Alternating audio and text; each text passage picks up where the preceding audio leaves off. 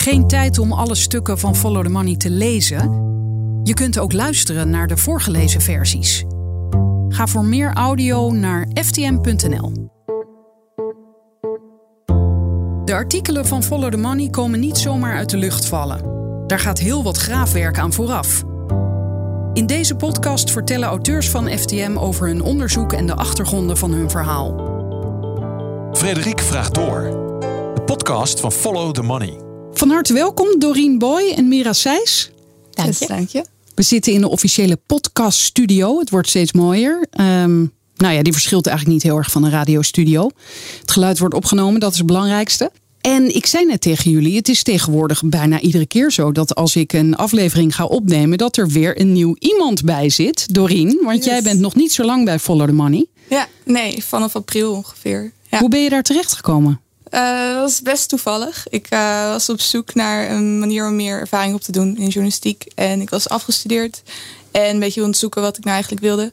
En uh, ik had een open sollicitatie gestuurd naar Follow the Money. en daarin ook gezegd van... hey, ik heb een achtergrond in Asian Studies en in Chinees. Ik heb een minor Chinees gedaan. China is een heel belangrijk onderwerp voor jullie. Ga erover schrijven, is belangrijk. En uh, toen kreeg ik eigenlijk terug met, ja, nee, dat gaan we inderdaad doen. En de vrijdag daarna was het eerste artikel uit het China-dossier. Uh, dus ik kon eigenlijk gewoon heel snel inrollen. Dus dat lijkt een beetje toevallig eigenlijk? Ja, ja zeker. Nee, ik heb gewoon, ja, raak geschoten. Maar je dacht van, ik ga, ik ga Follow the Money eens even erop wijzen... dat ze echt wel aandacht aan China moeten gaan besteden. ja, ja wel. ik kwam een, sollicitatie, een vacature tegen uh, voor een ervaren onderzoeksjournalist. En toen dacht ik van, uh, nou, ik kan het ook wel proberen. ja. Want je zegt, ik wil meer ervaring opdoen. Heb je al wel journalistieke ervaring of is dit nu je eerste baan of baan, uh, opdracht? zeker eerste opdracht. En ook ja, eerste officiële nou, traineeship en zo. En daarvoor ben ik, heb ik wel stage gelopen bij een uitgeverij van een correspondent. En daar wel ook heel veel geleerd, maar nog niet echt zelf stukken geschreven of zo. Ja, je noemt het even en passant, want je bent dus begonnen als stagiair, maar al snel werd je trainee. Ja, ja inderdaad. En het was ook gewoon dat ik uh, met allerlei dingen begonnen was en in allerlei onderwerpen gedoken was en eigenlijk nog niks had kunnen afmaken, omdat het, uh, nou ja, was drie maanden bezig. Uh, en veel onderwerpen lopen toch ook wel langer door. dus dat was ook al een reden om gewoon te blijven. Omdat je denkt van ja, ik wil wel ook gewoon wat neergezet hebben. Ja. Leuk, zo'n ambitieus type, hè, Mira? om erbij te hebben. Ja. Ja, super. Want jij was ook nog maar net begonnen met het China-dossier. Ja, ja, klopt. Ja, ik heb um, een artikel geschreven over Confucius-instituten. En uh, dat was het eerste binnen het China-dossier. En ja, ook nog eentje over, uh, over een CDA-politicus. Dat, uh, dat ook nog. Ja, want even de, um, de Confucius-instituten, vertel maar meteen even wat dat zijn dan. Ja, dat zijn uh, Chinese onderwijsinstituten die gekoppeld zijn aan een aantal universiteiten in Nederland. Uh, de Rijksuniversiteit Groningen heeft er eentje, Leiden had er eentje en Maastricht heeft er nog een. En we hebben eigenlijk geschreven over uh, het feit dat die instituten betaald worden door de Chinese overheid. Dat op die manier dus de soft power van, van China wordt verspreid. En dat betekent eigenlijk dat ze zichzelf gewoon zo goed mogelijk willen neerzetten in het buitenland.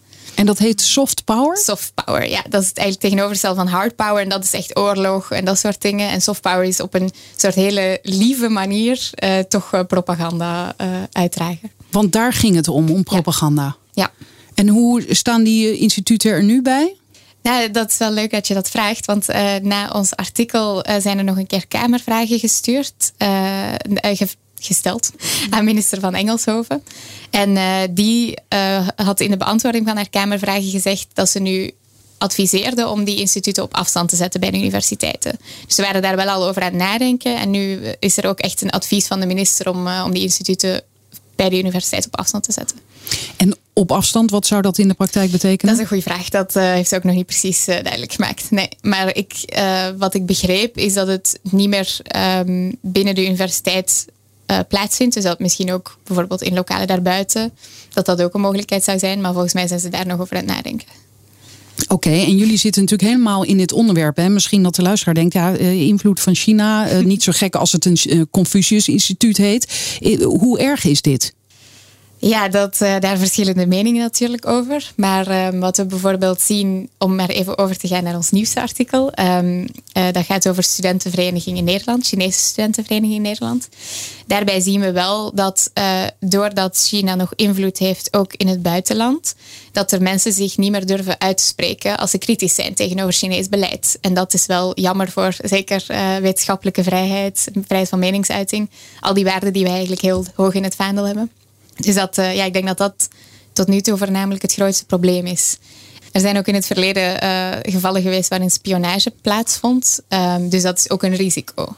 Ik zal niet zeggen dat iedereen uh, meteen gaat spioneren, dat is zeker niet het geval. Maar het is een, een, risico, een reëel risico waar rekening gehouden mee moet worden. Ja, en Doreen, hoe, werkt dat nou in jullie China-dossiergroep? Hoe komen jullie aan al die onderwerpen? Ja, nou sowieso wordt gewoon als iemand een interessant artikel vindt bij andere media erin gedumpt. Dat is uh, ook al. Dus uh, zo blijven we wel op de hoogte van echt de meest actuele dingen. Uh, maar ook voor mijn komst is er ook flink gebrainstormd over. Nou, deze onderwerp vinden we belangrijk. Veel. Nou ja, China is natuurlijk, daar kan je voor eeuwig over doorgaan. Maar in relatie met Nederland is natuurlijk het belangrijkste voor Follow the Money nou, bijvoorbeeld nu nou, één onderwerp zou zijn China en universiteiten en uitwisselingen. Er komen natuurlijk heel veel Chinese studenten naar Nederland.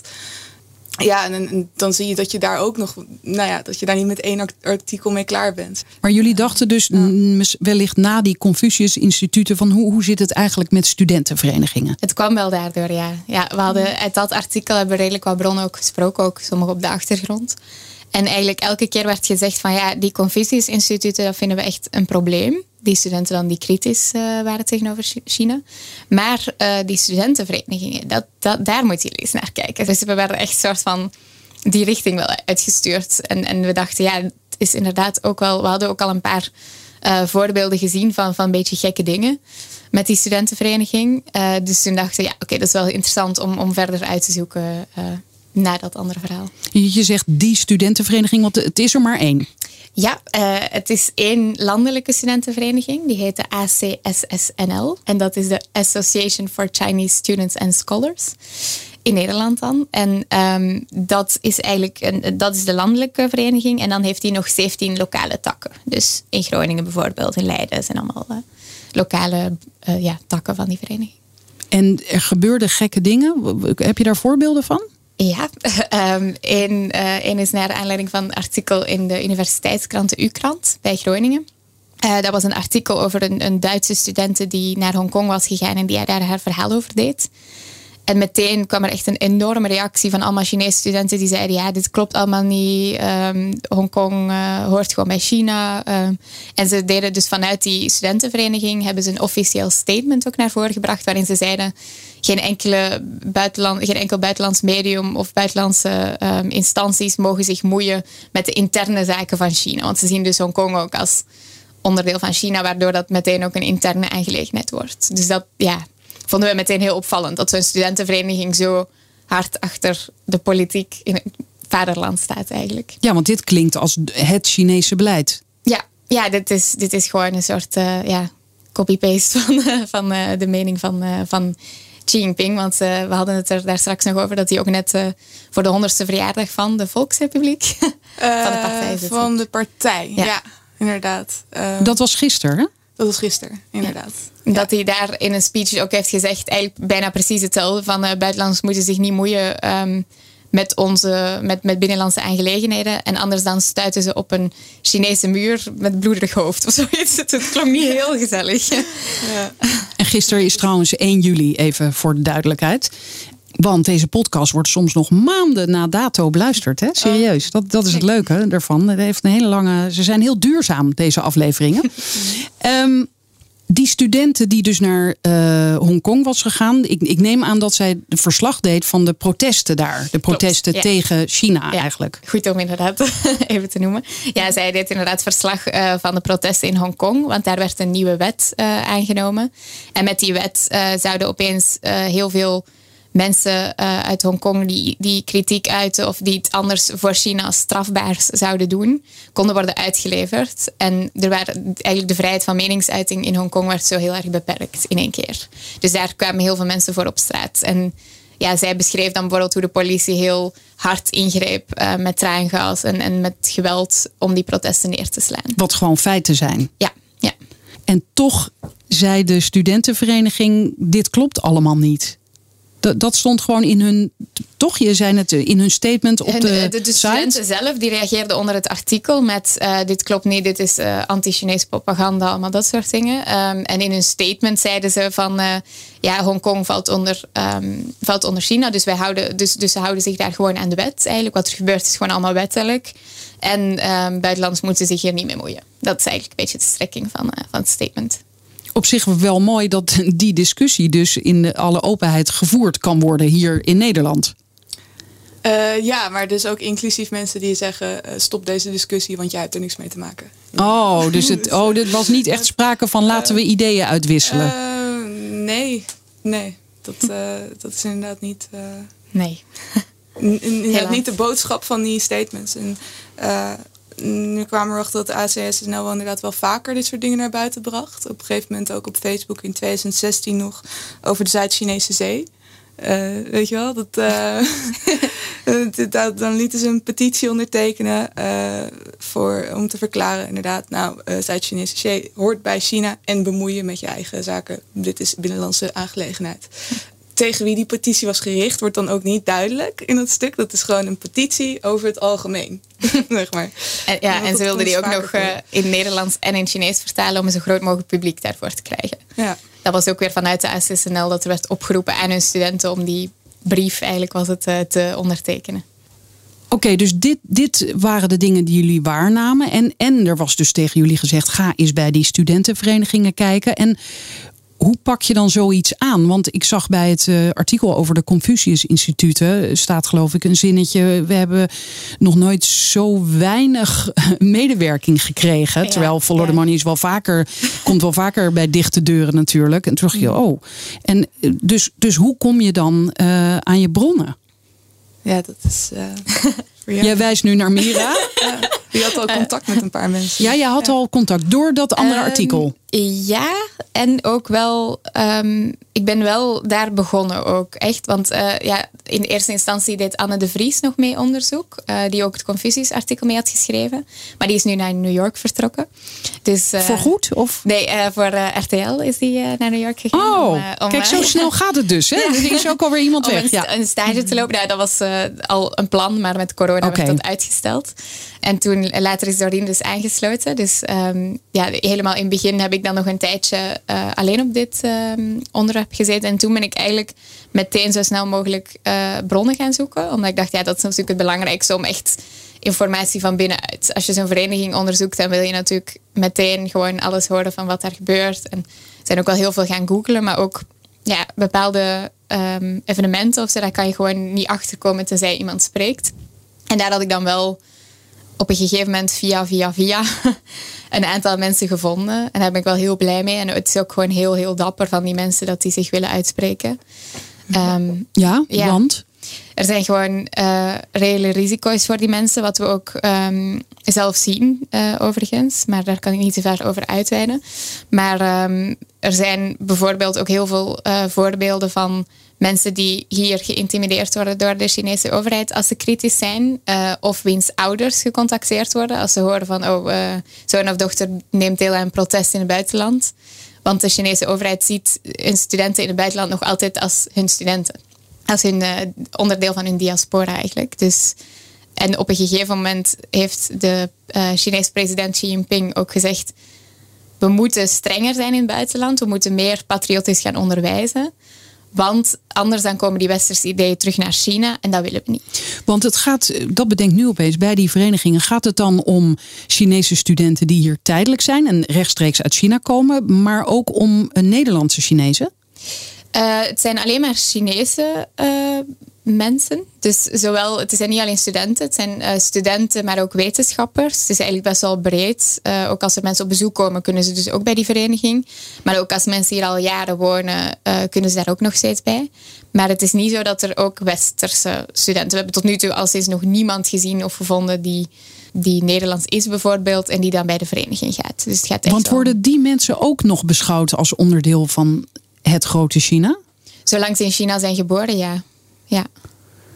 Maar kennelijk hebben ze zelf geen behoefte om zich in dit geval aan te sluiten bij deze vereniging. Uh, wie niet? De, Chine de Nederlandse Chinezen. Nou ja, Nederlandse Chinezen identificeren zich gewoon niet met uh, per se met communistisch China. En er zijn sowieso, er is niet één soort van Chinese cultuur. Het is, uh, ja, weet je wel, iedereen heeft zijn eigen verhaal en iedereen identificeert met, zich met eigen stukjes uh, van die Chinese cultuur. Of ja, het, gebied waar ze uitkomen, weet je. En uh, het ligt denk ik ook aan dat. En inderdaad, in welke wereld je bent opgegroeid. Want ja, Volksrepubliek China is echt wel echt een andere wereld. Uh, in de zin van je krijgt gewoon andere geschiedenisboeken. Uh, ja, bepaalde dingen worden nooit gezegd. Wel, dus ja, je hebt een hele andere belevingswereld. Dus ja, mensen uit Volksrepubliek China die daar ook echt zijn opgegroeid, vinden wel makkelijker aansluiting daar. Ja.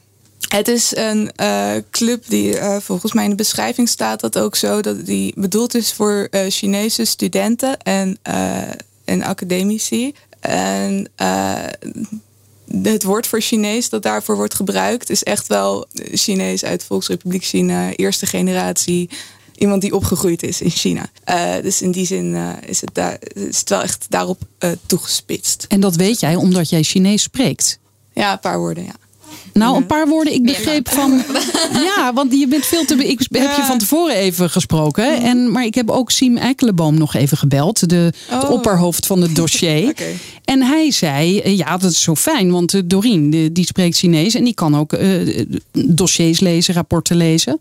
Ja, ja, ja. Dus het is meer dan een paar woorden. Nee, wat, wat ik meestal doe is een tekst scannen in het Chinees op, uh, of het interessant is. Uh, en uh, dan kan ik niet de hele tekst lezen. Dan herken ik gewoon een paar steekwoorden, de woorden waar ik naar op zoek ben. Eventueel zoek ik die op van tevoren.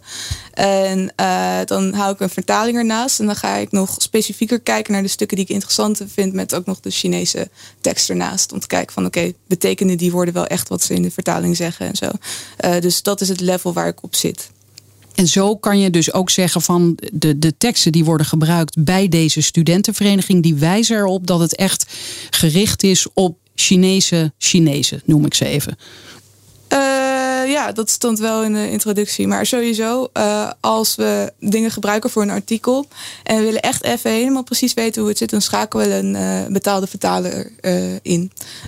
om gewoon er zeker van te zijn dat ik niet een interpreteerfout maak en zo. dus in die zin laten we echt de, de, de, de officiële vertalingen over aan iemand anders. Maar ik doe wel de eerste ronde scannen en de eerste ronde kijken wat interessant is en zo. Ja, super. Okay. Ja, er wordt, er wordt natuurlijk niks aan het toeval overgelaten. Hè? Dat nee, zo zo ja. kennen we follow the money. Ja, het is echt. Met ja. dit dossier is het echt absurd. Ja, wat, wat, wat is er absurd? veel checken. Want normaal gezien, als je een Nederlands onderwerp hebt, dan is het ten eerste al makkelijker om bronnen te vinden. Want mensen zijn gewoon niet zo bang om zich uit te spreken tegen de overheid. Integendeel. Um, in China is het natuurlijk helemaal anders en terecht. Want de, ja, er zijn gewoon ook effectieve repercussies. Mensen kunnen worden opgepakt. Uh, het is gewoon eng. Dus wij zijn ook heel voorzichtig um, met onze bronnen. Uh, wij proberen hen daar ook bewust van te maken. Van ook, ook als mensen misschien nog jong zijn of zo. Om, om toch wel even te zeggen van ja jongens, jullie hebben dit, dit en dit risico lopen jullie wel. Um, zijn er dan ook mensen die zich alsnog hebben teruggetrokken toen je dat zei? Nee, maar ik denk dat het ook. Eh, ze weten al zo erg um, wat voor risico er is, vaak. En soms misschien dan niet de, de lengte ervan of zo, maar dan, dan proberen we gewoon iets veiliger te communiceren dan daarvoor, dat soort dingen wel. Maar de mensen die zich al uitspreken, die zijn vaak al, um, al wel heel dapper. Maar. Die zijn al dapper geweest. Om vanaf het moment dat ze überhaupt contact met ons hebben. Dat, uh, ja, daar gaan al wel wat stappen aan vooraf. Dus uh, ja, dat, dat maakt het heel lastig. En ook um, wat ik zelf heel moeilijk vind, is uh, dat ook Chinese staatsmedia bijvoorbeeld um, schrijven gewoon niet altijd de waarheid. En dat, ja, dat, dat ben je gewoon niet zo echt gewoon per se. Ik bedoel, natuurlijk, alle bronnen moeten gedubbelcheckt worden, maar dit is nog wel een ander niveau van dubbelchecken. En ook bij mensen die we spreken, moeten we identiteit verifiëren. En nu één bron van mij die ik ook echt. Uh, ik heb allemaal documenten laten verzamelen door hem. Um, en die zei dan uiteindelijk van ja, uh, alleen die, die gaf die dan. En dan was ik wel redelijk overtuigd van die documenten. Maar dan moest ik nog zien of die documenten wel klopten. Dus heb ik dan ook weer gaan aankloppen bij mensen die daar meer van af weten. Um, om die proberen te verifiëren. Want het is iemand eh, die een functie heeft gehad. Die heel hoog is in de Chinese ambassade. hij, hij is ook best wel open daarover. Maar ehm, ja, er bijna niemand kan zeg maar bevestigen of ontkennen wat hij zegt. Want hij, hij is een van de enigen die is gedefecteerd vanuit de Chinese ambassade. Die is ge, wat? Ge? Gedefecteerd, dat betekent uh, zich heeft aangesloten bij ja, moet je dan zeggen? Ja, aangesloten Ja, bij Australië. overgelopen. Ja, overgelopen. Ja, hij is overgelopen. Dat is misschien- eh, simpel te zeggen. Ja. Ja, dat is, ja, dat is eigenlijk de enige die daar is overgelopen vanuit de ambassade. Wat, ja, wat natuurlijk niet zo heel veel mensen doen. Ehm, dus ja, Aha, het- maar daarom, vandaar dat hij ook opener kan zijn. Eh, nee, nee, zeker Oh. niet. Want hij is, gewoon, hij is met zijn leven bedreigd natuurlijk. Ik bedoel, dat is wel... eh, nee, nee, nee, dat bedoel ik niet. Ik bedoel... ehm, dat Nou, het- omdat je net ook zei, hij is ook open over het feit dat hij bij de ambassade heeft gewerkt.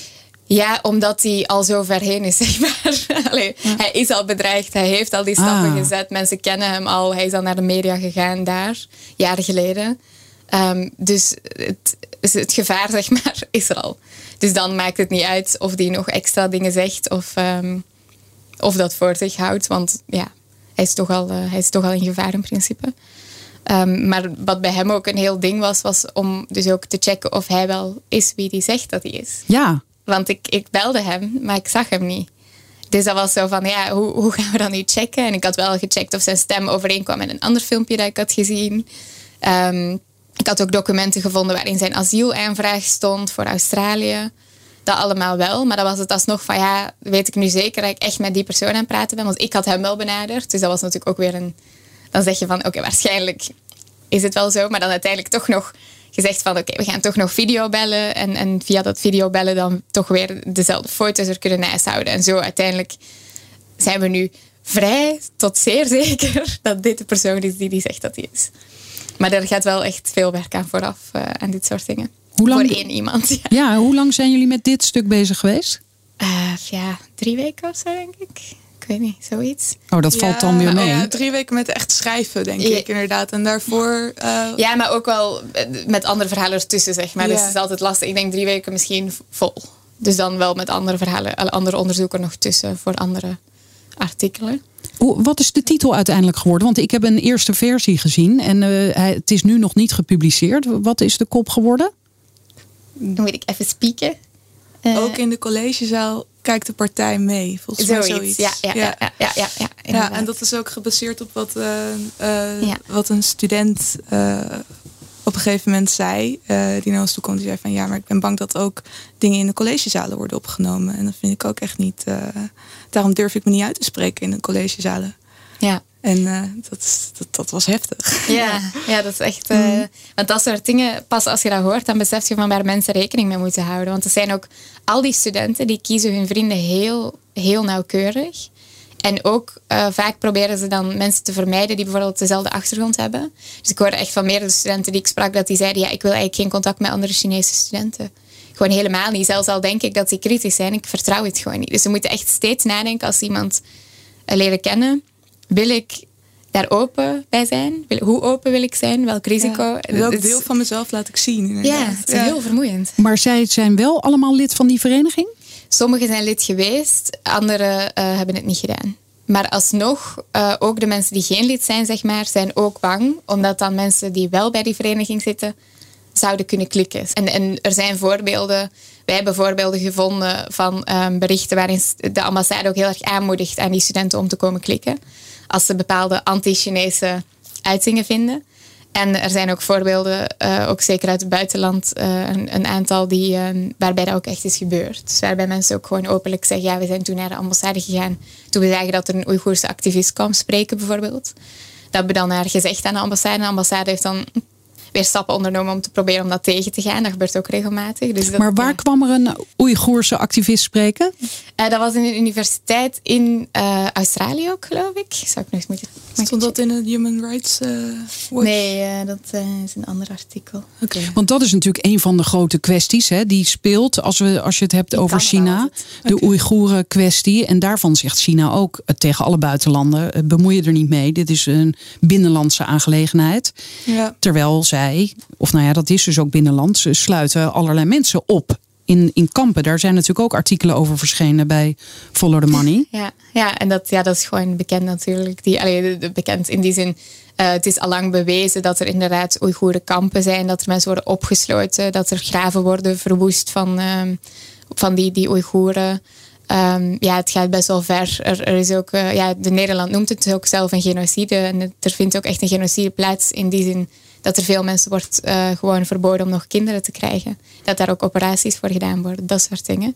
Dus dat is wel echt um, een heel heftig ding. En een student die we spraken, die zei ook zelf, dat was dan een Han-Chinese student. Dus dat is iemand die van het, van het landgedeelte komt, zeg maar. Zo, zo wordt dat dan verdeeld, mainland. En, en dan heb je nog uh, Taiwan dat daar los van staat. En dat dan ook weer ja, gewoon de grootste bevolkingsgroep in China. Ja, ja dat is misschien beter. Ja. Um, en we spraken dus een, een, een Han-Chinese student en die zei: Ja, ik, uh, ik ga ook zelf nooit het Oeigoeren probleem aankaarten. Het probleem dat, wat, of, of het, gewoon het, het conflict dat er speelt. Want als ik dat doe, dan zeg ik eigenlijk dat ik bij de westerse overheden hoor. Overheden, want dan, ja, dan, dan bevestig ik het verhaal. Of dan, dan zeg ik dat er überhaupt iets aan de hand is.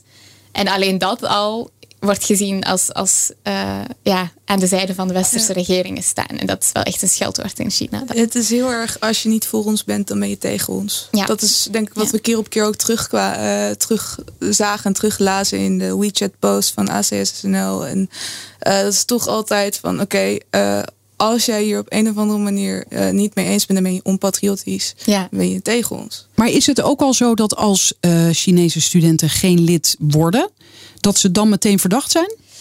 Uh, nee, dat heb ik ook wel aan een aantal mensen gevraagd. Dat was eigenlijk mijn hypothese. Ik dacht, dat, zal, ja, dat, was ook wel een aantal mensen um, die, die geen lid waren, wat die hadden gezegd.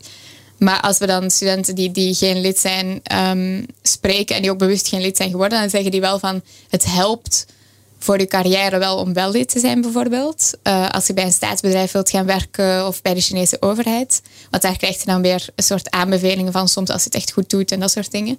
Maar um, als je het niet doet, dan is het ook niet dan, dan is er alsnog wel genoeg keuze om bijvoorbeeld aan een baan te geraken en zo. Maar überhaupt in het buitenland studeren is al een beetje verdacht.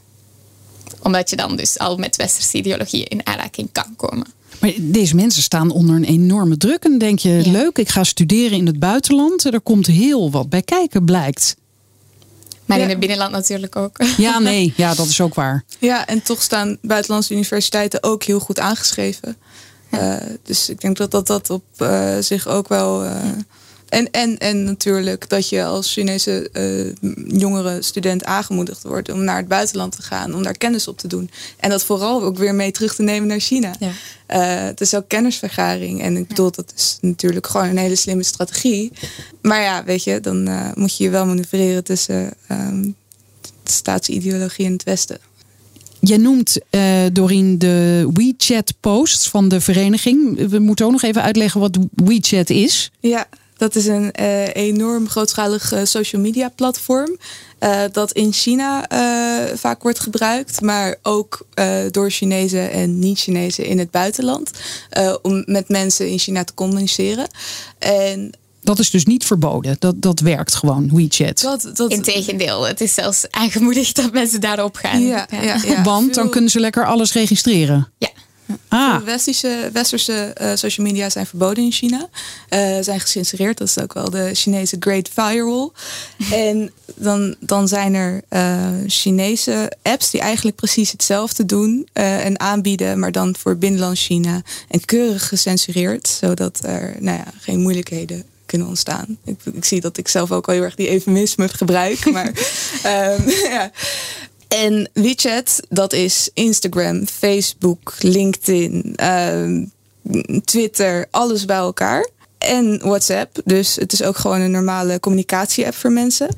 En uh, Chinese studenten in Nederland gebruiken dat ook gewoon voor alles. Omdat, nou ja, weet je, ik bedoel, als je in Nederland met Facebook stopt, dan is dat niet zo'n big deal.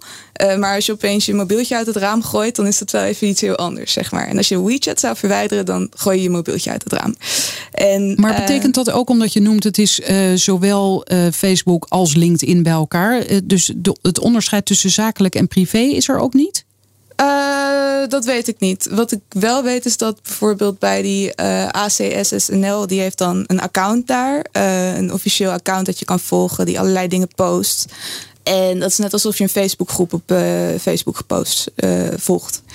En daar worden dan bijvoorbeeld ook heel veel banenmarkten aangeboden en zo. Dus het is wel zo dat die studentenverenigingen ook wel heel veel professionele dingen aanbieden. Ehm, ja, en ook een soort dating service. Hè? Tenminste, ze organiseren ook een soort speed dating eh, bijeenkomsten, las ik. Uh, inderdaad, uh, gezien dat ze ook een, een dating evenement organiseren. Dat was wel leuk met, met een lunch. En, en, dat ze, en ze, ze, speelden dan spelletjes samen blijkbaar. En als het dan klikte, dan konden de nummers worden uitgewisseld. Dus dat, ja, dat klonk dan wel weer heel gezellig. Dus dat, uh, ja, het is eigenlijk een beetje, dat is denk ik een beetje het ding ook van die vereniging. Het is, het is echt best wel een gezellige vereniging. En ik kan me heel goed voorstellen dat als je uit China komt, je hebt geen idee hoe het in Nederland werkt. Dat je echt een plek nodig hebt of iemand die het vertelt. En dat is eigenlijk ook tegelijkertijd de kritiek uh, die er is, ook vanuit zo'n NGO zoals Human Rights Watch, die uh, mensenrechten over de hele wereld in de gaten houden.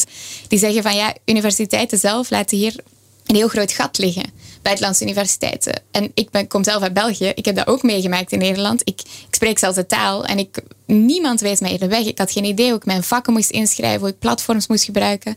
En dat is voor Chinese studenten natuurlijk nog heel veel erger. Dus ik kan me echt voorstellen als zij dan hier aankomen en denken, oh, eh, de, de vereniging die brengt mij van het uh, vliegveld bijvoorbeeld, dat doen ze ook, naar, um, naar de stad waar ik moet zijn. Dat is natuurlijk fantastisch. En daar kan ik meubels in verkopen, daar heb ik een netwerk, daar kan ik leuke dingen mee doen, feestjes met mensen die ik allemaal kan verstaan. Dus op die manier lokken ze, of ja, lokken is misschien een beetje een raar woord, maar trekken ze mensen naar zich toe. En dan stilaan komen er af en toe politieke posts ook. Dus het is, ja. Het is zijn er dan ook uh, studenten die jullie gesproken hebben, of ex-studenten, die, die zeggen van ja, het begon allemaal heel leuk. Ik had niet in de gaten wat voor serieuze onderlaag eronder zat. Ja, dat zijn eigenlijk de mensen die, die we hebben gesproken, die erin hebben gezeten, die, die zeggen dit allemaal. Want ja, je gaat natuurlijk niet voor niks bij een vereniging. Ik denk natuurlijk in principe gewoon wel dat het dan leuk is. ik kan me niet voorstellen dat iemand denkt, oh, vervelend. Nu moet ik bij deze vereniging uh, feestjes gaan doen. Of, uh, dus ja, dat, dat is wel echt uh, hoe, het, hoe het begint. Trouwens nog even over WeChat. Is trouwens ook wel echt een app die in Nederland wordt gecensureerd voor uh, Chinese mensen met een Chinees nummer. Uh, dat betekent dus ook dat als zij over Tiananmen-protesten uh, dingen sturen, over Hongkong moet democratisch of over goede onderdrukking is een echt ding. Ehm, dan komt het niet aan bij de ander bijvoorbeeld. En als je daar te ver in gaat, dan wordt je account geblokkeerd. Dat is dus best lastig. Uh, ook dat je daar ook in Nederland rekening mee moet houden. Omdat je gewoon diezelfde app nog gebruikt. Ja, ja. ja en um, even, eh, ze noemde, Doreen noemde heel kort even de Tiananmen-protesten. Um, dat is ook wel interessant. Uh, dat, dat heel kort uh, om even uit te leggen wat daar gebeurd is. In 1989 was er redelijk veel onvrede uh, bij jonge mensen in China over hoe de regering handelde. En, en eigenlijk ging het vooral over toen over corruptie en het feit dat het niet democratisch ging allemaal. En daar zijn uiteindelijk heel veel mensen eerst begonnen te vredig. zijn heel veel mensen voor op straat gekomen. Echt massa's, massa, massaprotesten.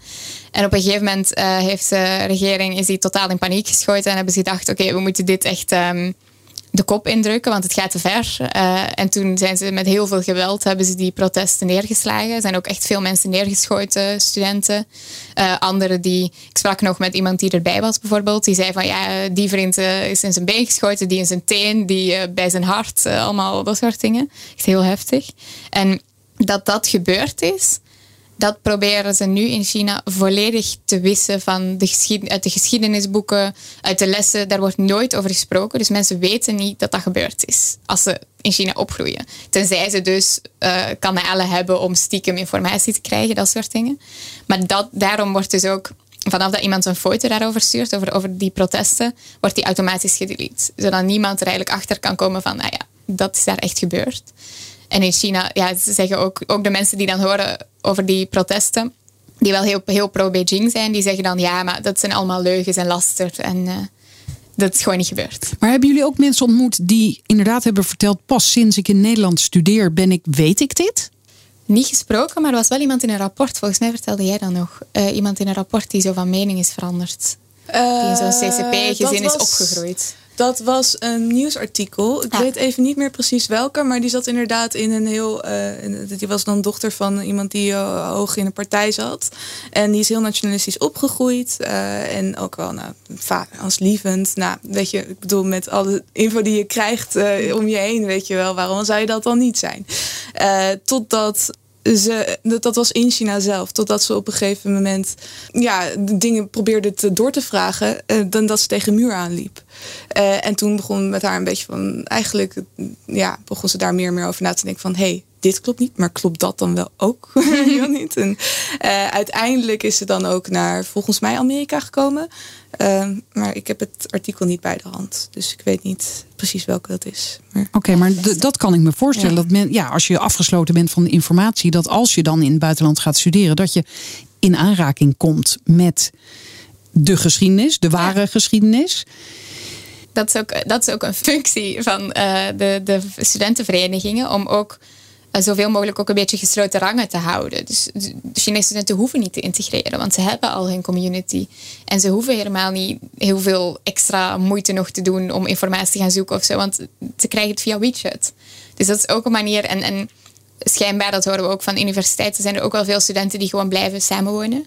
Dus dan zijn het een paar gebouwen waar dan heel veel studenten samen zitten. Ja, ja dan, dan blijft het ook wel heel gesloten. Dus dan, er zijn dan een aantal mensen die wel echt weggaan daarvan, maar dan merk je ook dat die soort van worden ja, slecht aangekeken door andere Chinese studenten. Dus dat is dan wel het risico dat je meteen neemt. Hey, in het begin, eh, een beetje in het begin vertelde je over het artikel over de Confucius-instituten. Dat er kamervragen zijn gekomen en dat de minister heeft gezegd: we gaan de universiteit op afstand zetten. Of we vragen dat van de universiteiten. Wat moet de regering hier ook iets mee?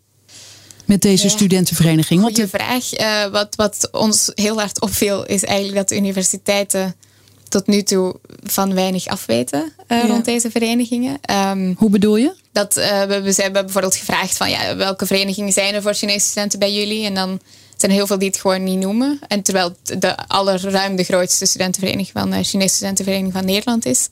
En ehm, ja, Want er zijn er meer. Ehm, er zijn er nog een aantal kleine. We hebben een aantal kleine tegengekomen, maar ja, niet significant. Ja, en vaak ging dat ook heel erg over een studierichting bijvoorbeeld.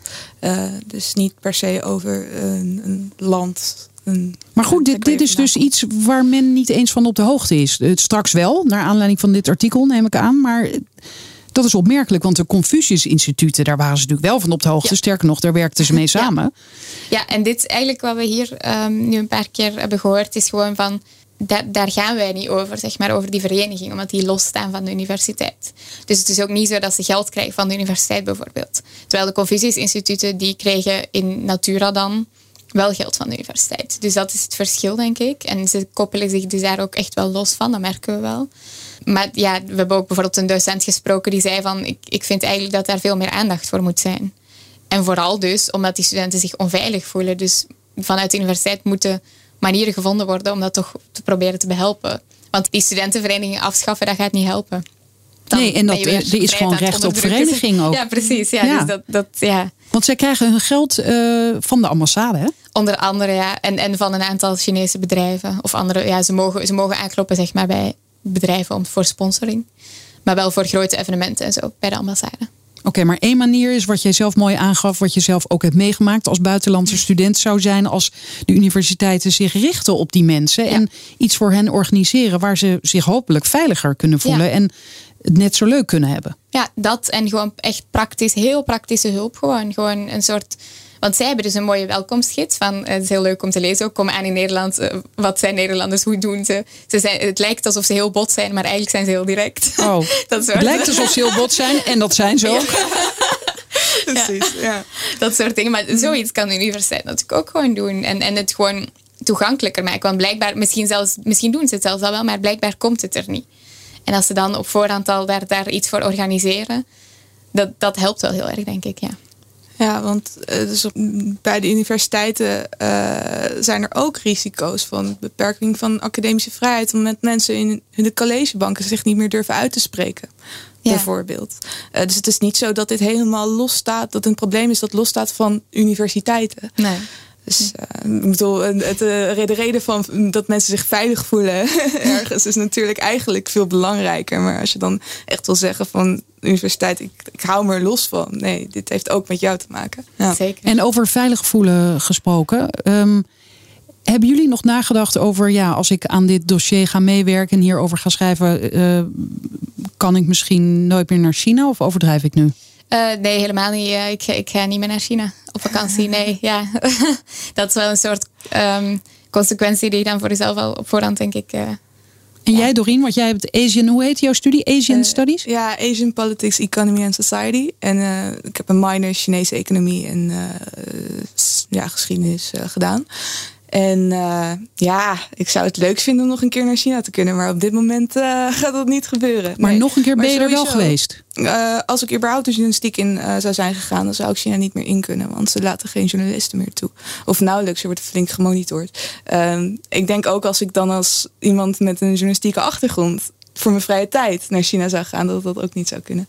Ben je er wel geweest al? Ja, ja.